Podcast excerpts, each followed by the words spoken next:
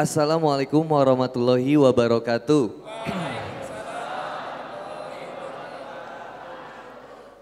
Alhamdulillah, alhamdulillahilladzi anzala sakinata fi qulubil mu'minin liyazdadu imana ma imanihim. Asyhadu an la ilaha illallah wahdahu la syarikalah wa asyhadu anna Muhammadan abduhu wa rasuluh. Allahumma sholli ala Muhammad wa ala alihi wa sahbihi wa man tabi'ahum ila yaumiddin.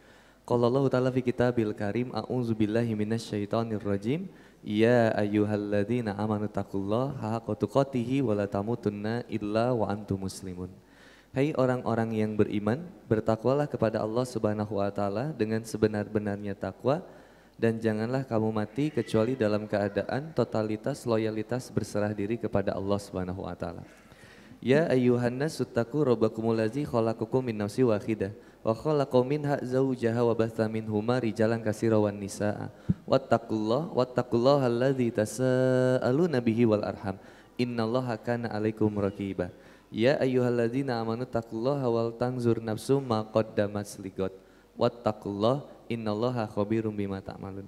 Alhamdulillah wa syukurillah senang sekali berbahagia sekali bisa ketemu silaturahmi dengan teman-teman yang ada di MRKR ini. Mudah-mudahan senantiasa kita diberikan kesehatan oleh Allah Subhanahu wa taala dan mudah-mudahan setiap dari kita senantiasa dijadikan oleh Allah langkah kakinya mengangkat derajat di hadapan Allah dan mengugurkan dosa-dosanya.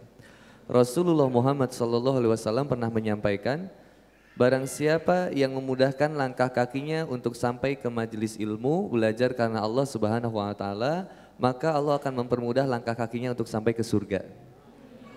Barang siapa yang kemudian memperjalankan kakinya untuk sampai ke MRKR ini, maka kata Rasulullah Muhammad SAW, Allah akan mendatangkan malaikat yang senantiasa membentangkan sayap-sayapnya di atas langit dan menaungi setiap orang-orang yang hadir di majlis itu.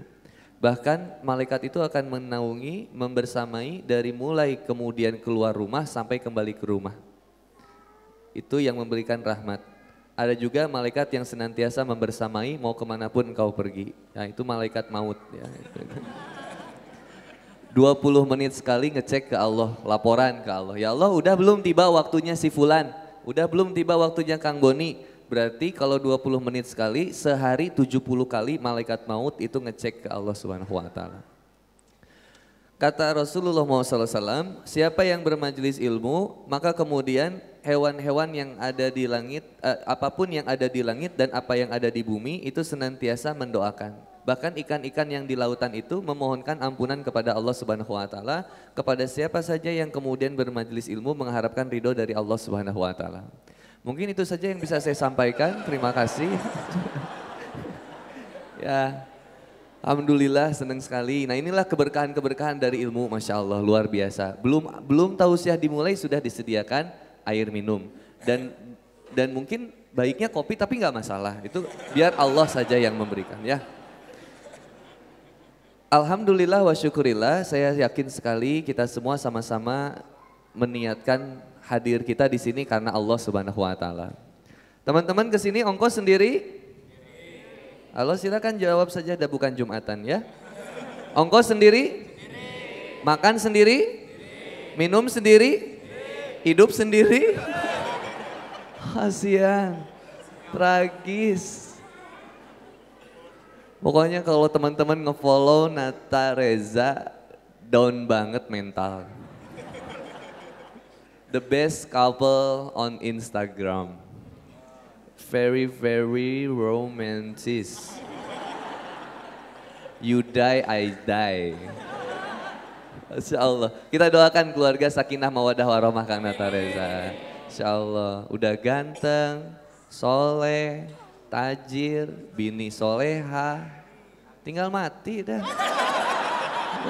Suk surga. Iya gak? Masya Allah coba teh. Mau jodoh yang kayak begini? Cakep, hafal Quran, tajir, mau? Ya yang kayak begini belum mau sama teteh. Levelnya beda. Wah itu kalau dapetinnya berkah luar biasa. Apa sih hidup yang paling nikmat punya pasangan yang soleh? Uh nikmat. Nah saya kita sama-sama meluruskan innamal a'malu biniat tadi saya lupa. Kita semua niatkan semua karena Allah. Maka bareng-bareng kita ucap Bismillahirrahmanirrahim. Bismillahirrahmanirrahim. Karena berat saya dipaksa memberikan nasihat, teman-teman dipaksa mendengarkan nasihat. Dipaksa atau kerelaan hati? Barang siapa yang tujuan ke MRKR hanya untuk melihat Kang Nata Reza, maka sudah, maka tinggal pulang. Tapi siapa yang datang ke sini kemudian niatnya pengen ketemu Handi Boni, Handi Boni segini adanya. Kurus di kacamata, di topi, sweater, hoodie, tapi sudah beristri. Maaf ya jomblo nggak akan paham. Barang siapa yang niat perjumpaannya karena Allah Subhanahu wa taala mengharapkan ridho Allah Subhanahu wa taala, maka ketahuilah Allah Subhanahu wa taala Maha melihat, Maha menyaksikan, Maha mengetahui alimul ghaibi wa syahadah, apa yang tersembunyi di dalam hati ataupun yang terucapkan secara lisan. Maka sama-sama kita luruskan niat untuk mendapatkan ridho dari Allah Subhanahu wa taala. Yang mau posting Instagram, Insta Story boleh, tapi nggak usah terlalu narsis ya. Aku lagi di kajian, dong, tolong. Pipa, tuh lihat ustadznya lagi tausiah, masya Allah ya, masya Allah. Itu nggak akan nyampe apa-apa. Jadi pas ditanya, tadi dapat apa? Dapat foto. Berikut Handi Boninya kecil jauh. Mohon maaf yang di belakang kelihatan akunya? harus aku ke sana. Aku berdiri atau duduk? Wanita selalu Wanita jangan dilawan. Mungkin sakit hati. Kata Rasul wanita itu ciptakan dari tulang yang bengkok. Kalau dipaksa lurus dia patah. Kalau nggak dinasehatin maka dia akan tetap bengkok jadi harus dinasehatin. Jadi saya berdiri atau duduk? Insya Allah. Cukup segini? Udah kelihatan gantengnya. Ini dunia gantengnya Kang Nata. Eh, Kang Nata sini atau temenin AA. Kursinya ada empat, istrinya satu. Eh maksudnya apa? Astagfirullahaladzim. Ya, kita sama-sama luruskan niat karena Allah Subhanahu wa taala. Ikhwan dan akhwat yang dimuliakan oleh Allah Subhanahu wa taala. Maka hidup ini menjadi nikmat ketika kita semuanya bersandar kepada Allah. Hidup ini terasa menjadi tenang, aman, nyaman ketika kita bersama dengan Allah Subhanahu wa taala. Kalau bukan karena Allah, bukan kemudian mengharapkan ridho Allah Subhanahu wa taala, mau ngarepin apa? Rugi gitu. Bayangkan dari macam-macam tempat ada yang datang ke sini. Ada yang dari Bintaro, Bintaro, Bintaro. Bintaro. Maaf ya. Saya lama di ini, lama di Korea. Ya saya.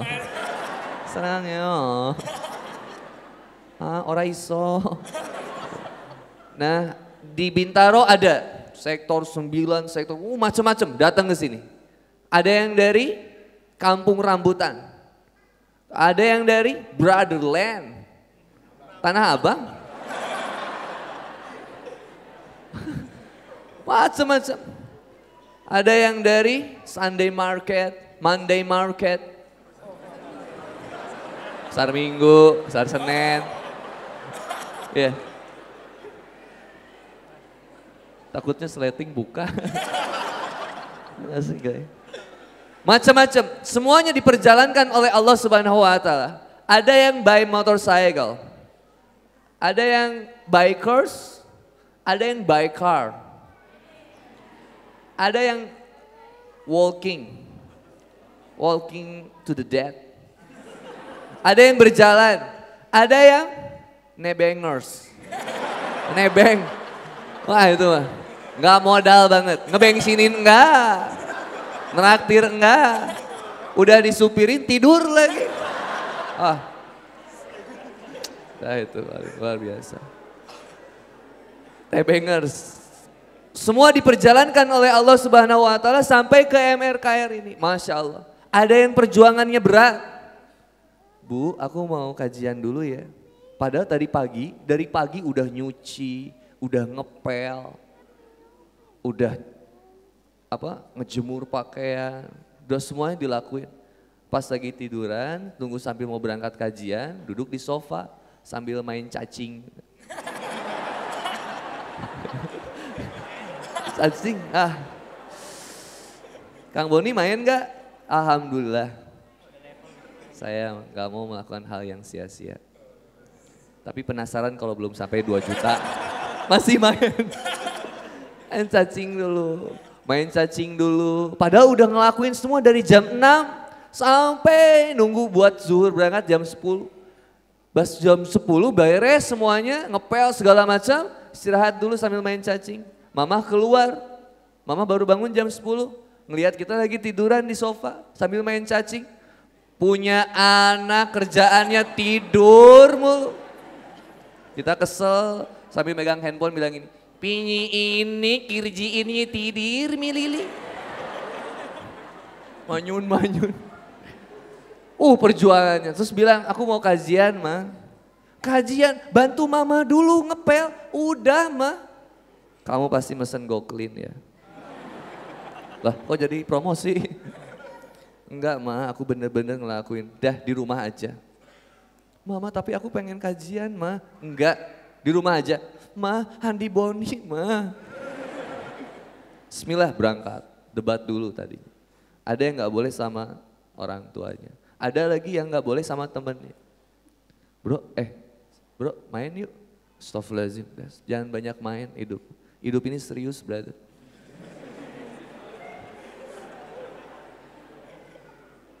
Antum udah nggak asik sekarang bro. Ini Sunday bro. Main kita futsal, futsal. Sorry ya, kajian. Masya Allah, sok suci amat bro. Daripada lu sok kotor. Udah kotor sok lagi. Anda mau kajian. Kenapa antum sekarang kajian? Hijrah. Oh antum ikutan komunitas hijrahan sekarang. Dengar ya bro, nggak usah lagi nasehatin gue. Gue mau milih jalan hidup gue, yang penting happy. Tapi gue mau ngajak lu ke kajian, sorry. Nggak usah lagi nasehatin gue, dan lu nggak usah ngurus hidup gue. Oke kalau kayak gitu, lu juga jangan ngurus hidup gue yang pengen ngurus hidup lu. Ayo kita kajian. Berangkat kajian. Ada lagi yang mau kajian? Telepon dulu. Ayang di mana? Aku kangen. Bisa nggak ketemuan? Ini kayaknya dia nggak ada tulang rahang gitu. Bisa gitu. Aku mau nonton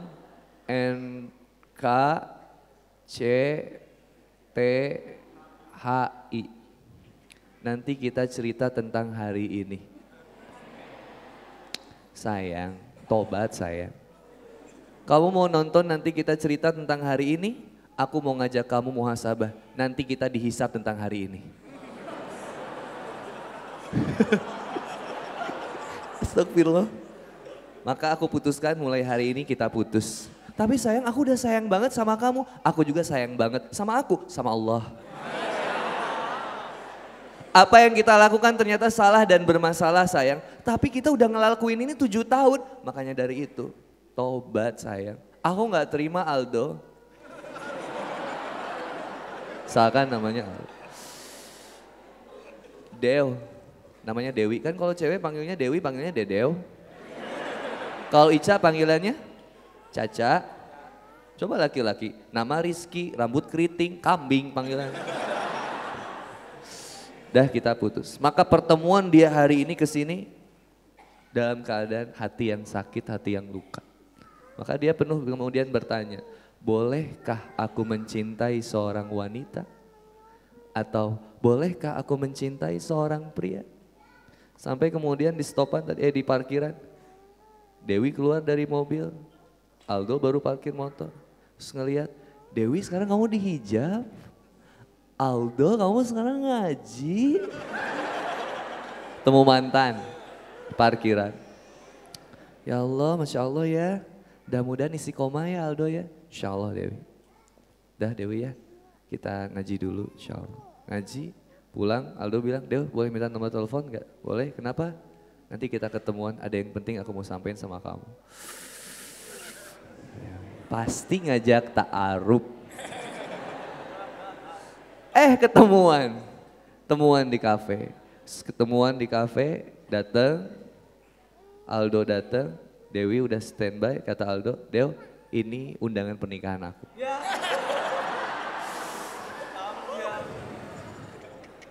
Apa kata Dewi? Allah nggak adil. Katanya kalau udah hijrah, Allah ganti dengan yang lebih baik. Allah mudahin jalannya. Tapi kenapa aku harus sakit hati? Barang siapa yang niat hijrahnya karena urusan dunia, siap-siap urusan dunia itu yang akan menggagalkan hijrah kita. Catat. Barang siapa yang niat hijrahnya, berubahnya, dihijabnya, ke masjidnya karena dunia, maka urusan dunia itu yang akan menggagalkan perubahan dirinya. Maka perubahan kita hanya karena Allah subhanahu wa ta'ala. Semata-mata cuman karena Allah. Brother and sister Villa. Maka kalau begini putus itu diazab atau hidayah? Halo kenapa tidak sepakat? azab atau hidayah? Jadi nikmat diputusin. Sakitnya di mana? Sini. Maka berada di sisi yang dirahmati oleh Allah Subhanahu wa taala. Di dalam Al-Qur'an ada penyebutan nama-nama tentang hati. Yang pertama itu adalah kolbu. Disebut di dalam Quran hati itu kolbu. Kenapa kolbun? Kenapa? karena sikap sifatnya berbulak-balik. Maka di Quran surat Ali Imran ayat 8 itu ada doa yang pernah kita sampaikan di MRBJ, sekarang di MRK saya sampaikan. Robbana la bana ba'da hadaitana wa hab lana min ladunka rahmah innaka antal wahab. Ya Allah ya Robbi, jangan kembalikan hati kami kepada kesesatan ya Allah, kemaksiatan. Setelah engkau berikan kami hidayah, kenikmatan iman ya Allah. Dan kami hanya berharap rahmat yang datang dari sisimu ya Allah. Sesungguhnya engkau maha pemberi. Maka Rasulullah SAW ditanya ketika itu bertanya, uh, ditanya uh, sorry, Ummu Salamah ditanya sama sahabat, wahai istrinya Rasul, biasanya Rasul itu kalau bobo, eh apa kalau tidur, Rasulullah SAW itu kalau tidur biasanya ngedoa apa? Kemudian kata sesungguhnya Rasulullah SAW sebelum bobo itu selalu berdoa, Ya muqallibal qulub sabit qalbi ala dinik. Minta ditetapkan hati. Kemudian bertanya, ya Rasul kenapa sering berdoa kayak begitu ya Rasul? Karena kata Rasulullah SAW sesungguhnya hati manusia ada jadi jemari Allah subhanahu wa ta'ala yang mudah untuk berbulak balik. Sekarang semangat kita. Sekarang semangat mendengarkan kajian. Begitu lima langkah kemudian telepon lagi. Sayang di mana udah beres belum kajiannya? Aku di sini, iya aku juga di sini. Oh kamu ikut kajian juga, ya jemput aku ya. Dah. Bayangin. Ada yang kemudian keluar dari pengajian, baru beres kajian, baru keluar dari sana, langsung bilang sama temennya, bro, kerudung orange bro. Oh, kerudung orange. Ini kayaknya kerudung orange yang di yang diberikan Allah sebagai jodoh gue bro. Tapi bro itu bro, yang ungu bro, ah yang itu juga kayaknya. Udah jomblo, cita-citanya poligami. Subhanallah. Sadar diri. ya biasa aja kita slow. La in syakartum la ajidan. Syukuri apa yang ada, Allah akan tambahkan nikmatnya. Syukuri istri yang ada, maka Allah akan tambahkan. Eh, astagfirullahalazim. Satu, kolbun. Makanya kenapa disebutnya banyak kolbun situ disebutnya dengan uh, kolbu di situ banyak tentang kolbu di dalam Quran. Nah ini sifat uh, penyebutan hati di dalam Quran satu-satunya adalah kolbu. Yang kedua penyebutan hati di dalam Quran namanya sodru. Sodr. Ada waswisu fi sudur. Famay yuridillahu ayyahdiyahu yasroh sodrohu.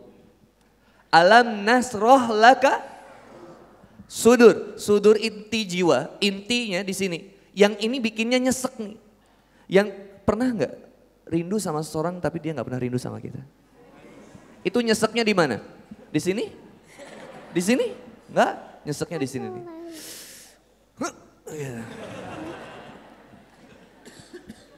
Nanti pas teman-teman nonton Milea, nyeseknya di sini nih. Gitu. Nah, Itu sodor itu di sini nih. Makanya Masya Allah. Bilal bin Rabah, ini saya pernah cerita belum ya? Bilal bin Rabah, beliau ini ketika masa-masa penindasan umat Islam, maka ketika itu Bilal bin Rabah di, ditidurkan di gurun pasir yang teramat sangat panas dan tajam. Itu karakter gurun Arab itu begitu, panas, tajam lagi. Bayangin, tengah hari, tengah hari pula ditidurin, lalu kemudian diikat, dipukulin, nggak berubah akidahnya, nggak berubah, mantep dia, ahadun ahad. Dalam beberapa kemudian disebutkan kata ulama, sesungguhnya Bilal ingin mengatakan kul huwallahu ahad. Tapi yang beliau ingat itu cuman ahadun ahad, ahadun ahad. Sampai kemudian ditimpakan batu yang besar. Di mana batu yang besarnya? Batunya besar, ini hikmahnya luar biasa. Batu yang besar ini nggak ditimpakan di tangannya.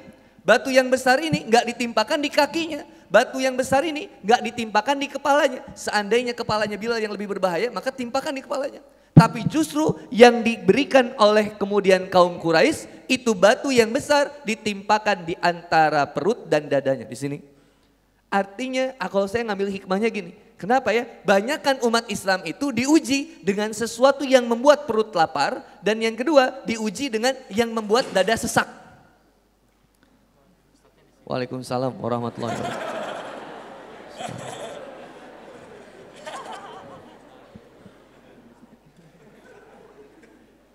Aman, aman, aman. Takutnya ada yang bunuh diri, diputusin.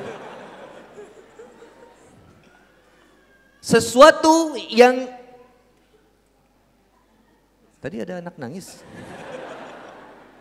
Uh, saya tuh sensitif kalau ngedengar anak yang nangis itu suka pengen gendong. Tiba-tiba ahwat nangis. Jangan ya. Berat kalau digendong. Nah, Eh, kok, apa saya tadi mas? Umat Islam itu diuji dengan sesuatu yang membuat perut lapar dan sesuatu yang membuat dada sesak. Makanya kenapa banyak kalau bahasa Sunda coplot akidah atau bahasa Indonesia copot akidahnya. Cuman apa? Digoda masalah ujian ekonomi. Banyak yang kemudian berpindah, banyak brother. Cuman gara-gara ekonomi. Ayo, brother and sister Villa, dikasih satu miliar, pindah akidah, mau? Kenapa jadi stres gini? Dikasih satu miliar teh, pindah akidah mau? Teh yang di belakang, dikasih satu miliar, suruh buka hijab, mau? Brother, dikasih satu miliar, tinggalkan sholat, mau? Yakin? Dikasih berapapun kita nggak mau. Tapi kemudian, brother and sister Villa, ketika Bila bin Rabah berusaha untuk mempertahankan itu, luka penderitaan yang luar biasa yang dia hadapi. Quran surat Al-Baqarah ayat 155, posisi sebelah kiri dua dari atas. Astagfirullah. Maaf ya. Walana nakum bisa minal khawfi wal ju'i wa minal amwali wa anfusi wa samarat wa basiri sabirin. Bayangin, lagi diuji, lagi merasakan penderitaan, lagi merasakan sakit yang luar biasa. Kata Allah, berikan kabar gembira. Coba. Kan lagi sakit. Coba bayangin antum, ada yang hilang motor, terus antum bilang, brother selamat hilang motor ya. Coba, dijotos antum. Wah, stres. Ya. Musibah, berikan kabar gembira. Wabasiri sobirin. Siapa? Berikan kabar gembira kepada mereka yang sabar. Yang bagaimana? Iza asobatuhum musibah. Ketika mereka ditimpa musibah. Mereka senantiasa mengatakan, Inna lillahi wa inna ilaihi rojiun. Sungguhnya ini datangnya dari Allah. Saya kembalikan kepada Allah. Enak brother. Ngarep makhluk itu jiksa. Makanya kalau dalam pernikahan jangan mengejar makhluknya tapi kejar yang memiliki makhluk. Lebih nikmat. Jangan ngejar makhluknya capek kayak ngejar bayangan. Coba semakin kita kejar bayangan tuh semakin menjauh susah. Mau kita kejar gimana gimana. Tapi kalau bayangannya kita tinggalin dia yang akan ngikutin kita ke mana pun kita pergi. Innallaha ma'ana. Innallaha ma'asobirin. Sesungguhnya Allah bersamamu. Sesungguhnya Allah senantiasa bersama orang-orang yang sabar. Santai. Itu jangan terlalu sabar. Sampai pernikahannya nggak punya target visi dan misi bahkan punya rencana. Nanti ada teman-teman dari KTMU, teman-teman komunitas ta'aruf cocok buat laki-laki. Laki-laki berani brother. Kita coba sekarang lihat. Laki-laki yang siap menikah berapa orang? Bismillah. Yang siap menikah. Kok cuman saya sendiri? Siapa yang siap menikah maupun yang siap menikah lagi? Ayo angkat tangan. Ada? Ada? Yang berencana mau menikah? Oke, yang mau berencana. Sisanya tuh nggak ada apa-apa. Nggak ada perasaan gimana gitu. Anak khawatir jangan sampai menambah catatan sejarah yang enggak-enggak. Cukup di London sudah cukup itu. 195 laki-laki dihajar sama laki-laki lagi. Kayak kekurangan stok, enggak stok banyak gini. Coba sekarang lihat, antum nggak boleh lihat-lihat ya, jangan lihat. Ahwat siapa yang udah siap nikah? Ahwat yang siap nikah, yang sudah berencanakan menikah, mau rencana nikah ataupun menikah lagi, ayo angkat. Siapa yang siap menjadi istri satu dan satu-satunya angkat tangannya. Dan siap menjadi istri yang next next berikutnya. Langsung gini semua. Uh, takut, takut, kenapa sih takut? Enggak, brother, brother and sister Villa. Kalau enggak direncanain, gimana mau sampai? Tiga mantra dalam dalam kaidah Arab ini. Manjada wajada, barang siapa yang bersungguh-sungguh dia bakal berhasil. Yang kedua, mansobaro zapiro, barang siapa yang bersabar dia akan beruntung. Yang ketiga, mansaro ala darbi wassalah. Barang siapa yang fokus, stay on the track, dia bakal sampai kepada tempat yang dituju. Manjada wajada. Barang siapa yang bersungguh-sungguh. Brother, dalam berusaha menjadi lebih baik. Dalam pribadi untuk kemudian benar-benar berhijrah di jalan Allah subhanahu wa ta'ala. Kita memang harus berusaha untuk bersungguh-sungguh serius, brother. Benar-benar serius. Di mana keseriusan kita ditempa? Salah satunya keseriusan kita ditempa, yang pertama, mengelola waktu yang kita miliki. Dan kemudian memperkecil keinginan, memperkuat kebutuhan. Simpen, tabung, tabung, tabung, dan memperbanyak tentang kebutuhan kita. Ini apa nih yang saya rencanakan? Akhirnya bikin planning kita berada. Maka ketika kemudian seseorang memutuskan untuk menjadi seorang yang jovisa, jomblo visabilillah, maka kemudian harus ada kaidah yang keduanya. Man sobaro zapiro, barang siapa yang bersabar, dia bakal beruntung. Mungkin, mohon maaf brother, mungkin kita ngelihat teman kita yang pacaran kita pengen. Tragis brother. 14 Februari hati-hati. Angka horor itu. Bagi para jomblo. Buat kita-kita yang udah hijrah biasa aja. Tanggal 14 Februari gimana? Hanya sebuah tanggal. Biasa aja. Enggak pernah gitu kepikiran sakit hati? Huh, buat apa?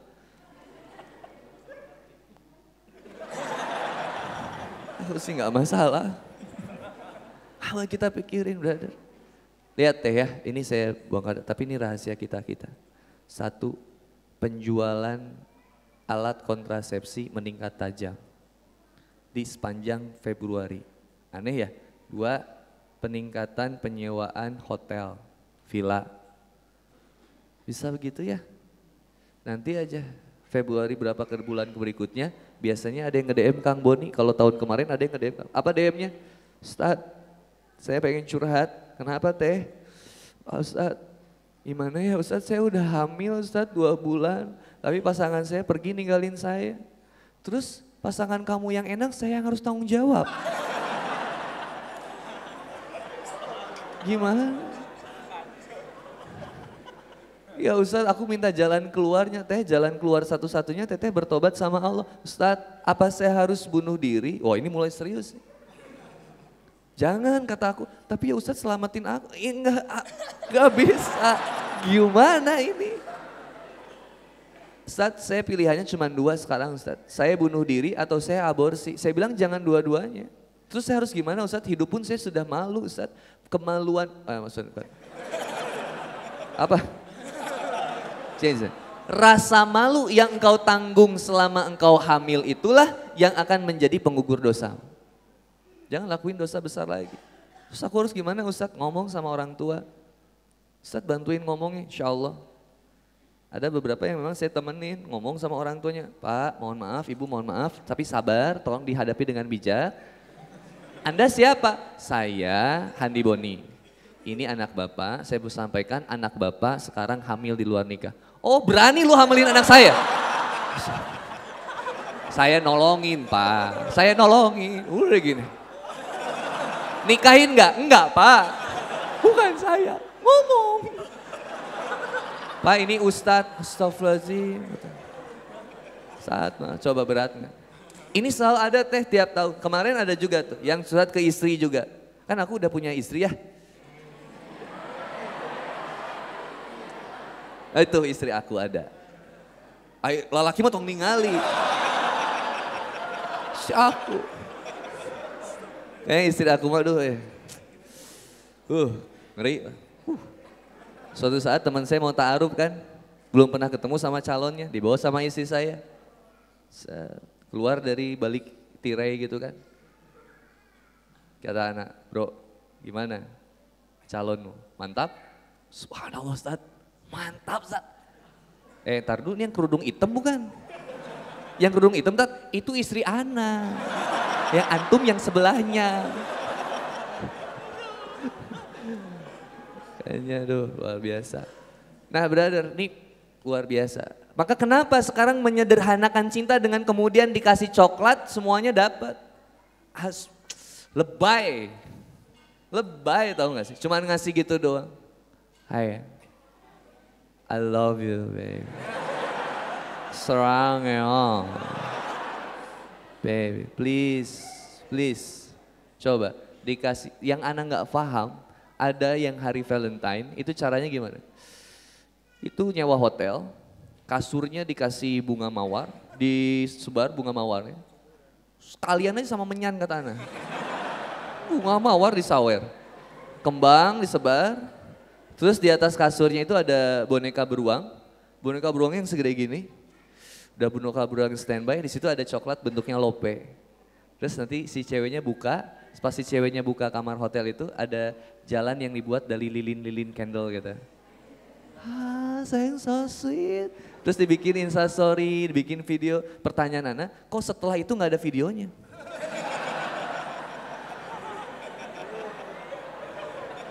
Ke mana itu videonya? Anda cari-cari nggak ada video. Ini teh bahaya luar biasa. Udah menjangkit di anak muda banyak. Sekarang permasalahannya di mana Kang? Maka bedakan antara cinta dengan syahwat. Syahwat itu, kasmaran itu nyeseknya di dada. Wallahi brother, ketika kita menyukai seorang wanita atau wanita menyukai seorang pria, yang sampai itu syahwat kasmaran itu. Cuman sampainya di sini nih, hmm, di dada. Tapi ketika saya terima nikahnya, sah, sah. Ah ini brother yang ngerinya. Kenapa? Ketika kemudian kita mengakadkan, ada yang disebut kemudian misalkan golizo, perjanjian yang berat, tanggung jawab yang diemban oleh suami untuk kemudian dia meng, men, menafkahi, meng, mengawali, mengamankan, memberikan kasih sayang sepenuhnya kepada seorang wanita. Tapi ketika sebelum pernikahan, teman-teman jalan, berpacaran, syahwat ujung-ujungnya, mohon maaf, wanita yang jadi korban.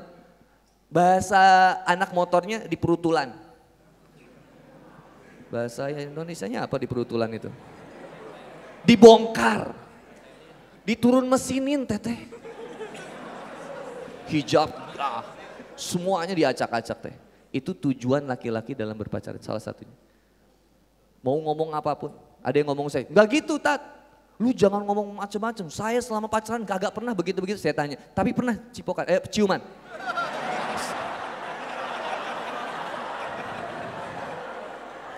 Yes, kelas, selesai. Pernah nggak ciuman?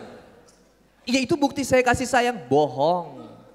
Bunda yang dirahmati oleh Allah Subhanahu wa taala. Sekarang kalau ada ibu-ibu di sini. Ibu punya taman, taman bunga. Bagus taman bunganya. Udah dirapiin sama ibu, ditumbuhin, disiram tiap pagi, dipupukin. Tiba-tiba ada orang datang ngacak-ngacak gitu. Marah nggak? Marah. Loh kok ibu punya anak, bisa aja diizinin dibawa sama anak orang. Itu anakmu lebih berharga daripada pertamanan di rumahmu. Ini harus dijaga luar biasa. Aset bu. Jadikan anak ini menjadi anak yang bisa menuntun ibu sampai ke surga. Bukan jadi anak yang jadi suluh api neraka. Kita brother, jadilah anak yang kemudian bisa menuntun seseorang untuk sampai ke surga Allah subhanahu wa ta'ala. Jangan menjadi anak yang justru menjadi suluh api neraka bagi kedua orang tua kita. Maka yang sudah berpacaran, tobat. Yang masih berpacaran, putus sekarang. Siapa yang mau online di sini? Saya kasih 5 juta rupiah, yuk. Dihitung sampai tiga. Satu, dua, tiga. Ya udah kalau nggak. Habisin waktu. Ini kasmaran. Maka yang pertama bahasa hati di dalam Quran kolbu. Yang kedua sodru, soder, sudur. Was wisu fi sudur. Ini dibisikinnya sama siapa? Setan. Was wisu fi sudurin nas minal jinnati. Dibisikin sama jin, setan. Ada juga yang bisikinnya teman-teman. Tuh lihat, tuh lihat itu, lihat tuh. Oh pipinya loh, Masya Allah. Sebel. Ih ya ampun. Lihat nggak tadi yang kajian yang pakai peci? Ih itu im, calon imam banget. Dan dia ternyata rumahnya sedekatan gue dong. Sebel, sebel, sebel. Coba. Kasmaran. Nyesek. Lalu gimana Ustaz? Bagi yang masih jomblo, menyukai lawan jenis kita, simpan. Dah, kalau dia jodohku, jodohkan. Kalau bukan ya Allah, jodohkan. Kalau dia jodohku, jodohkan. Kalau bukan, dah. Dekatkan ia kepadamu ya Allah. Semakin dekat, semakin dekat, sampai mati. Dekat. Dah, kan nikmatnya gimana teh? Ketika mengelola perasaan itu. Gak usah diungkit. Bayangin, ada luka dipocelin. Dipocelin tuh apa sih? Dikorekin. Digitu-gitu. Ada di sini luka kecil, cus. Terus kita gitu-gituin Kayak pernah digigit nyamuk, bentol, udah bentol tuh dibikin plus biar apa?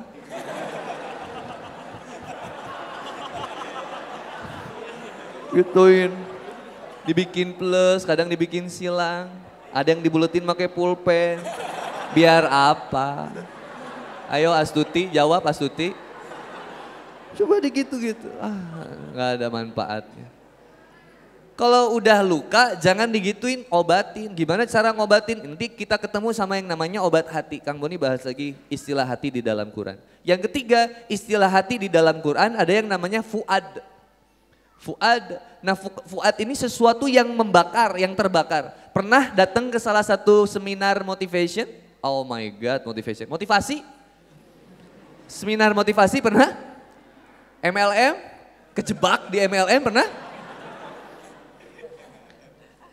Kita sambut golden member, diamond. Wah, saya dapat mercy. Wah, langsung kan kita, uh semangat. Ayo kita berjuang untuk meningkatkan. Wah, kita tuh yang, uh bener, mercy, mercy, mercy. Keluar dari seminar, balik ke rumah, main cacing lagi. Ah, punah itu. Uh, kenapa? Nah itu fuad, ada sesuatu yang bisa membakar kita dan ini harus dijaga. Fuad, sesuatu yang memakai kita jadi semangat. Huh, sholat, sholat. Bayangin, sholat dua rakaat sebelum subuh lebih baik daripada dunia dan seisinya. Dua rakaat sebelum subuh. Pulang ke rumah diinget-inget dua rakaat sebelum subuh, dua rakaat sebelum subuh. Bismillah. Alarm sampai tiga, dari jam satu, dua, tiga. Harus bangun, bangun, bangun. Settingan alarmnya lagu Bargel Kill. Yang bangun tetangga. Hanya ganti settingan alarmnya, cari di YouTube, tulis jeritan sakratul maut. Jadiin alarm. Lagi tidur, tet, sakratul maut. Oh, astagfirullah, astagfirullah. Wah, mantap itu. Bangun pasti insya Allah. Kita mah brother, aduh, kadang kita suka dibantu ibadah sama setan, Pernah ngerasain ketindihan jin? Kalau bahasa Jermannya erup-erup. Itu pernah? Ada orang yang kena erup-erup siang-siang? Gak ada. Rata-rata erup-erup itu penjelang tahajud.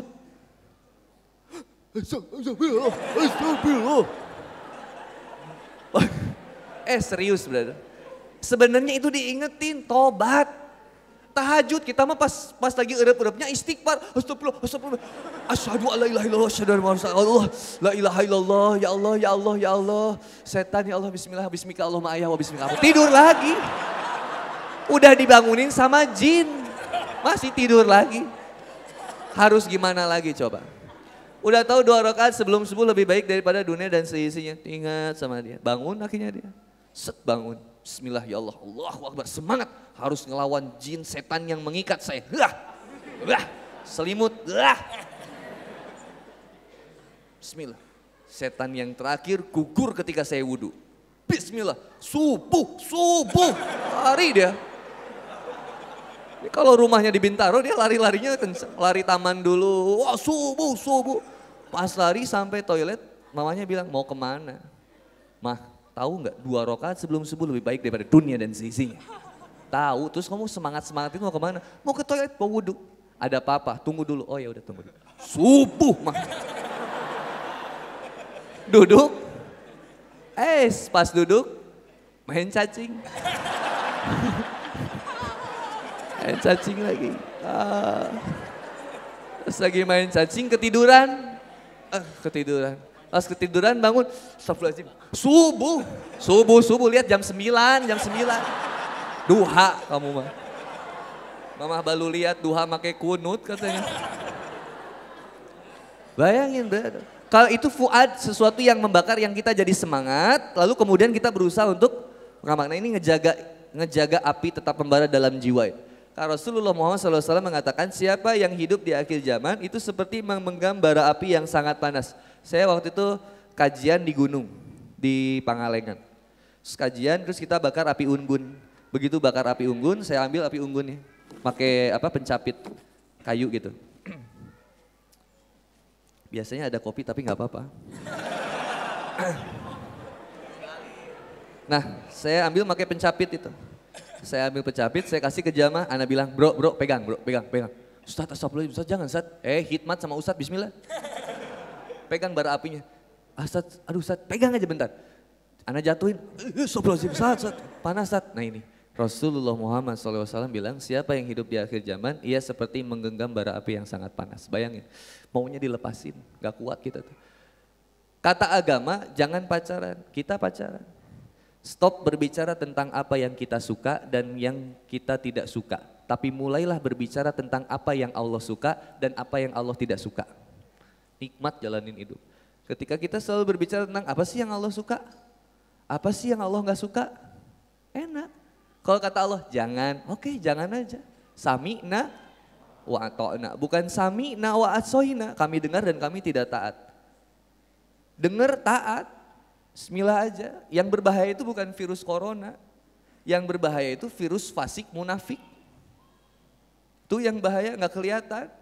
Ujub, sum'ah, ria. Itu yang bahaya. Ketika kita jadi baik tapi pengen dilihat sama orang. Maka kata Ali bin Abi Thalib yang kemudian kata-katanya diabadikan dalam buku Imam An-Nawawi, eh, Imam Al-Bantani dalam Ihul Ibad, di situ ada kata-kata Ali bin Abi Thalib. Yang pertama, jadilah manusia yang baik di hadapan Allah. Kita cuma pengen baik di hadapan Allah. Kang Boni kalau cuma pengen baik kelihatan bagus di hadapan jamaah buat apa? Ngarepin apa sih dari manusia? Gak usah ngarepin. Teman-teman ongkos sendiri di sini, ke sini sendiri. Biaya sendiri, makan sendiri Kang Boni ke sini ongkos makan bisa jadi diganti sama panitia. Tapi bisa jadi, tapi ah udahlah itu mah. Gak usah berharap. Rugi berharap. Kan saya pernah cerita ketika saya ber, saya berharap kepada makhluk siksa. Yang saya tahu sih di salah satu kota di daerah Bandung. Terus saya beres tahu sih yang mobil saya udah sampai di E itu. Bensinnya udah mau habis. Ada cuman bisikan dalam hati saya bilang, ah nanti juga kan diganti transportnya. Sekarang kan nggak megang uang, nanti udah beres ya biasanya dikasih buat ganti transport. Nah baru di situ dikasih bensin. Selamat sampai rumah, karena saya nggak megang uang. Itu cuma dalam hati ngomongnya. Begitu itu saya tahu sih, wah ibu-ibu, bapak-bapak, ya, ya, ya, ya, ya, ya. Wah udah semangat berada. Udah beres tahu ya, saya mau pulang. Pak Haji, mangga Pak Haji, duluan Pak Haji. Iya Ustadz, fi amanillah Ah, anak mana yang ngamplopin ini? Ah, ah, astagfirullah. Nah, tungguin sampai anak naik mobil, anak naik mobil buka kaca. Pak Haji, ya, Pak Haji ya. Waalaikum, Waalaikumsalam Ustaz. Hatur nuhun Ustaz ya. Jangan kapok Ustaz, insya Allah enggak Pak Haji. Anak masih enggak enak kan? Tutup jendela, ah Anak muter dulu di depan. Muter dulu anak di depan, set, muter supaya ngelewat situ lagi kan. Lewat situ lagi, anak buka kaca kiri kan, set, kaca kiri. Pak Haji, ya duluan Pak Haji ya. Nggak ada yang ketinggalan ya Pak Haji ya. Aman Ustadz, fi amanillah. Fix ini berarti anak nih. Fix, wah anak ngegerutu itu. Wah di sini, wah bensin cukup nggak nih masanya sampai rumah. Rumah nanti lumayan jauh. Begitu sampai rumah, sampai Alhamdulillah. Anak cerita sama istri. Kata istri, nggak boleh pak berharap sama makhluk. Langsung anak, eh Astagfirullahalazim, iya. Padahal cuma bisikan hati, Astagfirullahalazim ya Allah, Astagfirullahalazim. Tiba-tiba Pak Haji nelfon, Ustadz Afwan, Ustadz di mana Ustadz? Udah sampai rumah Pak Haji, ini ada yang ketinggalan. Ah udah nggak usah dibahas Pak Haji. Ah udah, udah. Amanah Ustadz, ah udah. Enggak ini Ustadz soalnya ini amanah dari ah, transfer aja. ah maksud Papa, kalau Ustadz berharap kepada yang gitu jadi hina, jadi hina demi Allah. Jaga keilmuan kita dengan tidak mengharapkan pemberian dunia. Dah nanti juga datang sendiri dengan hina. Bener kita, kasih aja. Kenapa harus stres? Kita kasih uang. Misalkan, AA dikasih uang sama saya, nih 100 ribu rupiah. Ya ini pegang. Dah, sakuin. Itu rizki dari siapa? Dari Allah. Itu prinsip yang paling nikmat. AA pernah ngimpi dikasih sama saya? Enggak pernah. Mau dikasih ke aku lagi? Kasih ke orang coba. Siapa yang mau dikasih sama AA? Nanti bagi dua. Kasih ke siapa? Kasih. Kasih ke situ. Nah ini saya kasih ke A. Tuh, antum nggak jadi dapat uang? Ridho? Iya ridho lah, karena tadinya juga nggak ada yang ngasih. Ya biasa aja, kenapa jadi Ustadz pelit? Ustadz Andi Boni pelit. Ya, saya kasih 100 ribu rupiah lagi. Ini rizki dari siapa? Dari Allah, udah simple segitu aja. Sedikasihnya Allah, kalau datang kopi, kopi aja. Bismillahirrahmanirrahim.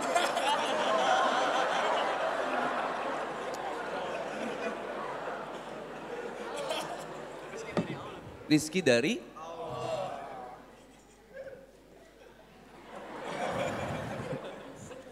Segukan dulu. Ini masalah jodoh rizki juga begitu. Gak usah sibuk ngejarnya. Segimana dikasih Allah. Ikhtiar semaksimal mungkin. Tawakal tuh Allah, Allah berikutnya. Dah mau cari jodoh yang gimana teh? Ustaz aku pengen jodoh yang putih, tinggi, bersih, hafiz Quran.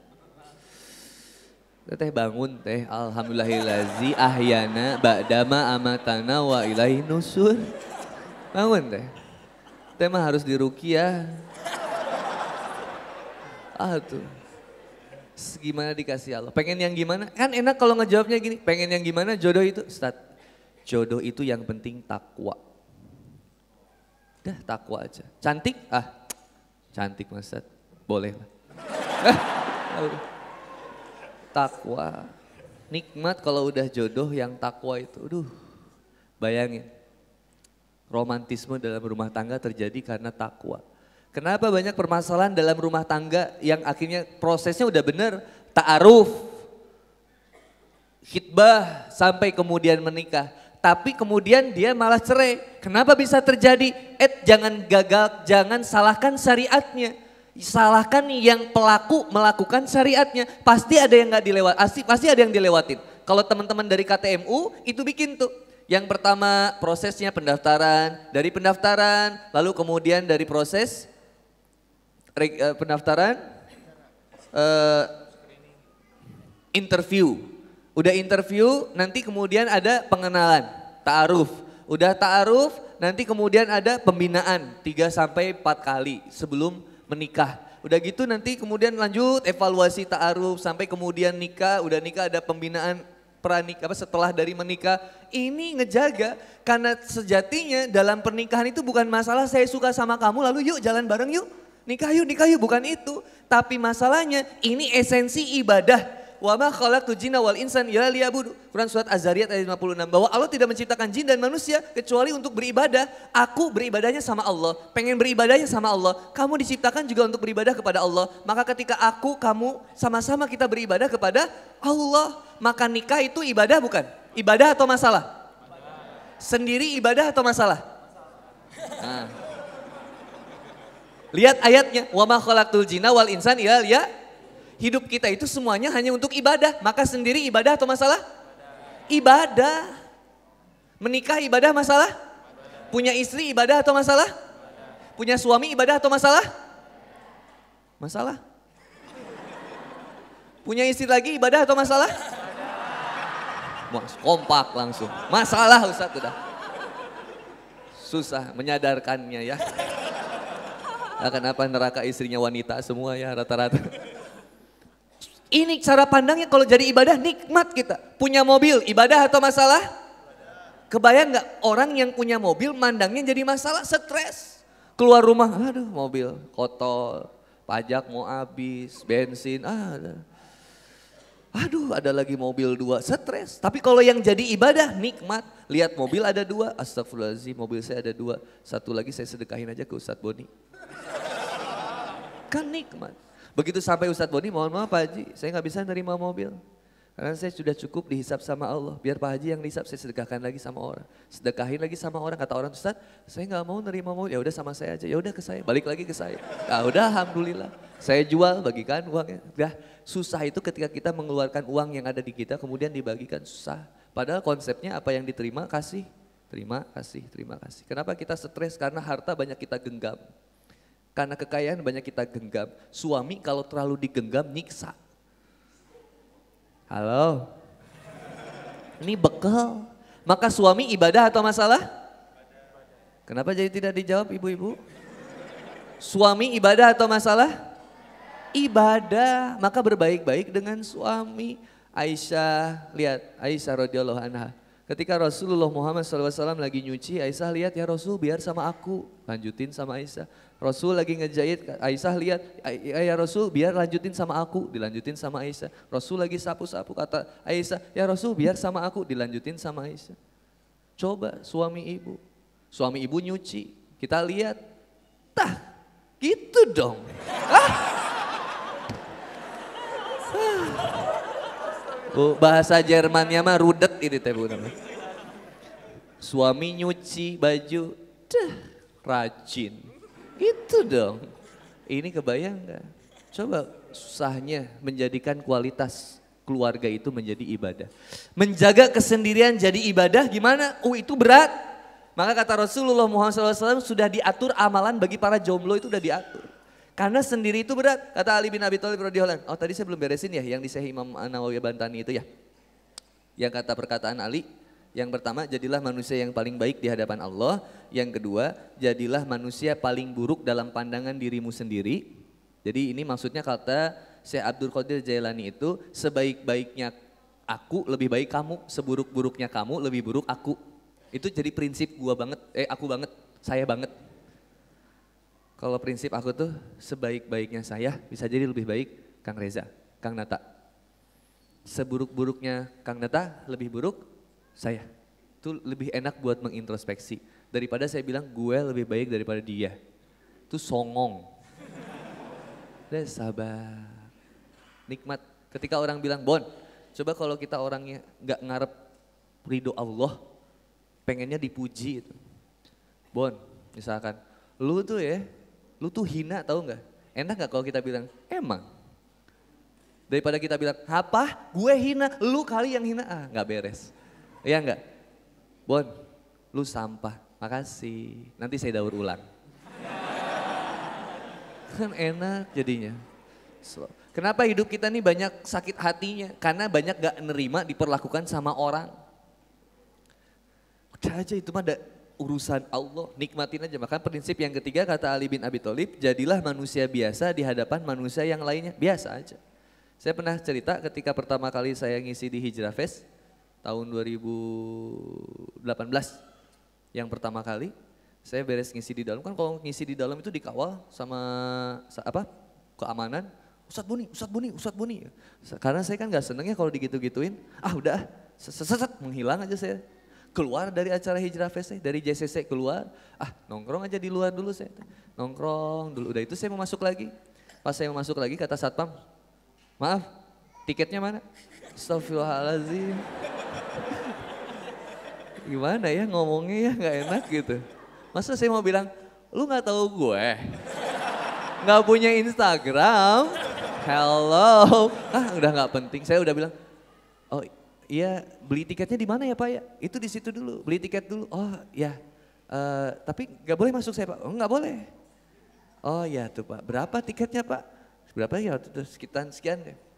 Aduh saya nggak ada uang sih Pak. Eh, oh kalau nggak ada uang, mangga aja, tunggu aja. Siapa tahu ada ya hibah, ada wakaf tiket gitu. Gak ada katanya ditunggu aja di sini katanya. Saya harus tanya dulu ke panitia. Panitia nanya, ini ada gini gini gini ini nih mau masa mau masuk gini gini. Pas dilihat panitia, astagfirullahaladzim Ustad. Satpamnya bengong dong. Ustad, asli Ustad yang kayak begini. Langsung satu, Ustad maaf Wan ya Ustad ya. Kalau saya sombong, saya bisa gitu. Makanya download Instagram. Follow Handi Boni. Kan demi Allah nggak penting. Jadilah manusia biasa di hadapan manusia yang ya, biasa aja. Tiga prinsipnya. Kemudian dan akhwat yang dimuliakan oleh Allah Subhanahu wa taala. Satu kolbu, dua sodru, tiga fuad, yang keempat alub, jamak dari ulul albab. Apa itu alub? Inti dari kejujuran hati manusia. Allahu Akbar, Allahu Akbar, lagi azan. Teman-teman lagi main cacing. Ada bisikan dalam hati, saya harus sholat, ada? Ada. Ibu-ibu lagi masak. Allahu Akbar, Allahu Akbar. Lagi masak ini ada, hmm, azan. Dan tahu kita itu harus sholat mohon maaf, yang pernah pacaran ketika kita bilang, lu mau nggak jadi pacar gue? Itu ketika bilang gitu deg-degan nggak? Deg-degan dan ketika mohon maaf pertama kali megang tangan pacar, itu ada sesuatu yang saya nggak boleh. Dan itu namanya alup inti kejujuran dalam jiwa kita. Dan gak mau itu bermaksiat kepada Allah subhanahu wa ta'ala. Gak mau brother. Kita ini dalamannya udah bagus. Quran surat Ar-Rum ayat 30. Bawaannya udah keren kita ini. Kita pengen sesuatu yang baik, jujur ketika kita maksiat, kita ini nggak nerima sebenarnya. Saya nggak boleh kayak gini tuh sebenarnya. Saya nggak mau kayak gini tuh. Tahu kita tuh. Coba bayangkan, Rasulullah SAW pernah sampaikan begini, al haya uminal iman, malu itu sebagian dari iman. Bayangkan umat akhir zaman hari ini, malu ija sudah terkikis, nggak ada lagi rasa malu. Sang handphone, taruh Ah, ah, ah. Apain? Apa? Kurangi min husni islami mar'i tarkuhu mala nih di antara kebaikan seorang muslim dia tinggalin hal yang nggak bermanfaat dah. Segitu. Sungguh ah. Gak masuk. Apalagi ahwat adalah jangan rendahkan dirimu hanya untuk mendapatkan popularitas atau untuk dipuji. Ingat, badut itu cara menghargainya adalah dengan cara ditertawakan. Maka ikhwan dan akhwat yang dimuliakan oleh Allah Subhanahu wa taala. Alub itu intinya jangan bohong sama diri. Kita nggak mau maksiat. Ikhwan akhwat yang masih pacaran hari ini putusin. Karena makna cinta yang sejut, se, se, seutuhnya, sejujurnya saya cari, saya kan seneng lah baca-baca buku filsuf. Ada makna dari eksistensialisme. Makna cinta menurut eksistensialisme. Apa makna cinta menurut eksistensialisme? Sebuah perasaan kepedulian yang teramat sangat dalam kepada sesuatu yang absolut. Yang absolut, mutlak, utuh. Yang absolut bagi saya dan kita seorang muslim, absolut itu Rob Allah, hanya Allah yang mutlak. Yang maha dari segala maha Allah. Yang maha cinta Allah. Yang maha kasih sayang Allah. Yang maha perindu Allah. Yang maha kemudian lembut Allah. Allah, Allah. Semuanya absolut mutlak hanya milik Allah. Maka lihat Quran surat Al-Baqarah ayat 165. Wa minanasi mayatakhidhu min dunillahi andada yuhibbunahum kaubillah. Bahasa cinta dalam Quran, dalam bahasa Arab disebut dengan hub. Hub, hub. Cinta itu. Nah ini makna cinta yang sesungguhnya. Sisanya sahwat. Zuyina linasi hubus syahawati minan nisa wal banina wal dan seterusnya Quran surat Ali Imran ayat 14. Itu kan syahwat disebutkan. Ini kesahwatan seorang seseorang manusia cenderung kepada wanita. Kita ngelihat wanita demen nggak? Jujur. Ngelihat wanita demen? Demen, brother. Ahwat ngelihat laki-laki biasa aja. Ahwat jawab dengan jujur. Ngelihat laki-laki badan six pack, buka baju, dikasih minyak jalantah terus gini.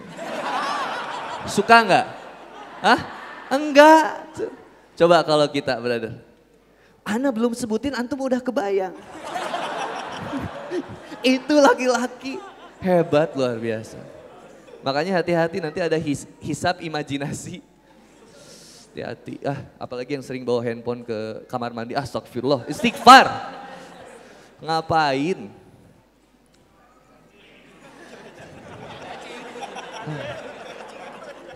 Main cacing. Astagfirullah. Ya. Nah ini Waminana si itu min dunillahi anda yuhibbunahum kaubila. Dan di antara manusia ada yang kemudian menjadikan sembahan-sembahan lain selain Allah. Mereka menjadikan tandingan-tandingan yang mereka cintai seperti mereka mencintai Allah. Lanjutkan ayatnya. Walazina amanu asyaddu kubbalillah.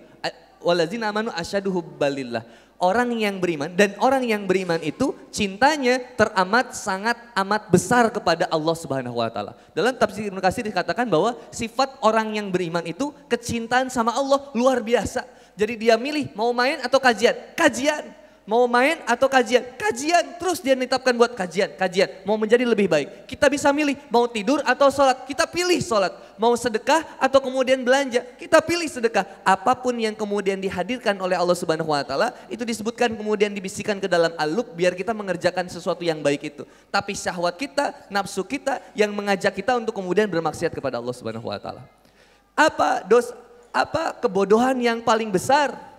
Apa kejahatan yang paling besar? Kejahatan dan kebodohan yang paling besar adalah ketika engkau diberikan potensi oleh Allah Subhanahu wa taala, dikasih harta sama Allah, dikasih mata sama Allah, dikasih telinga sama Allah, dikasih kaki sama Allah, dikasih kendaraan sama Allah, tapi kita pergunakan untuk mengkhianati Allah Subhanahu wa taala. Hati dari Allah, maka jadikan hati ini hanya untuk Allah. Maka apa kebaikan yang paling hebat? Ketika apa pun potensi yang dikasih sama Allah, mata, pendengaran, kaki, handphone, motor, mobil, semuanya kita pakai untuk mendekat kepada Allah. Enjoy your life. Hijrah ini selalu slow. Tetap slow, santai. Dah santai jangan ribet gitu. Dan jangan ribet menghisap amal orang. Dah. Antum begini, oh antum begini. Ah, santai. Jangan-jangan kita yang lebih buruk dibanding mereka. Santai. Ada ahwat yang belum dihijab, boleh ikutan kajian di MRKR? Boleh. Rangkul teh, Masya Allah. Cantik kalau tete kalau dihijab, bismillah. Tapi hijabnya bener jangan sampai kesel. Nih ya dihijab kamu ya. Ah siapin ada boot di sana. Misalkan ada boot, boot coba hijab. BCH, boot coba hijab.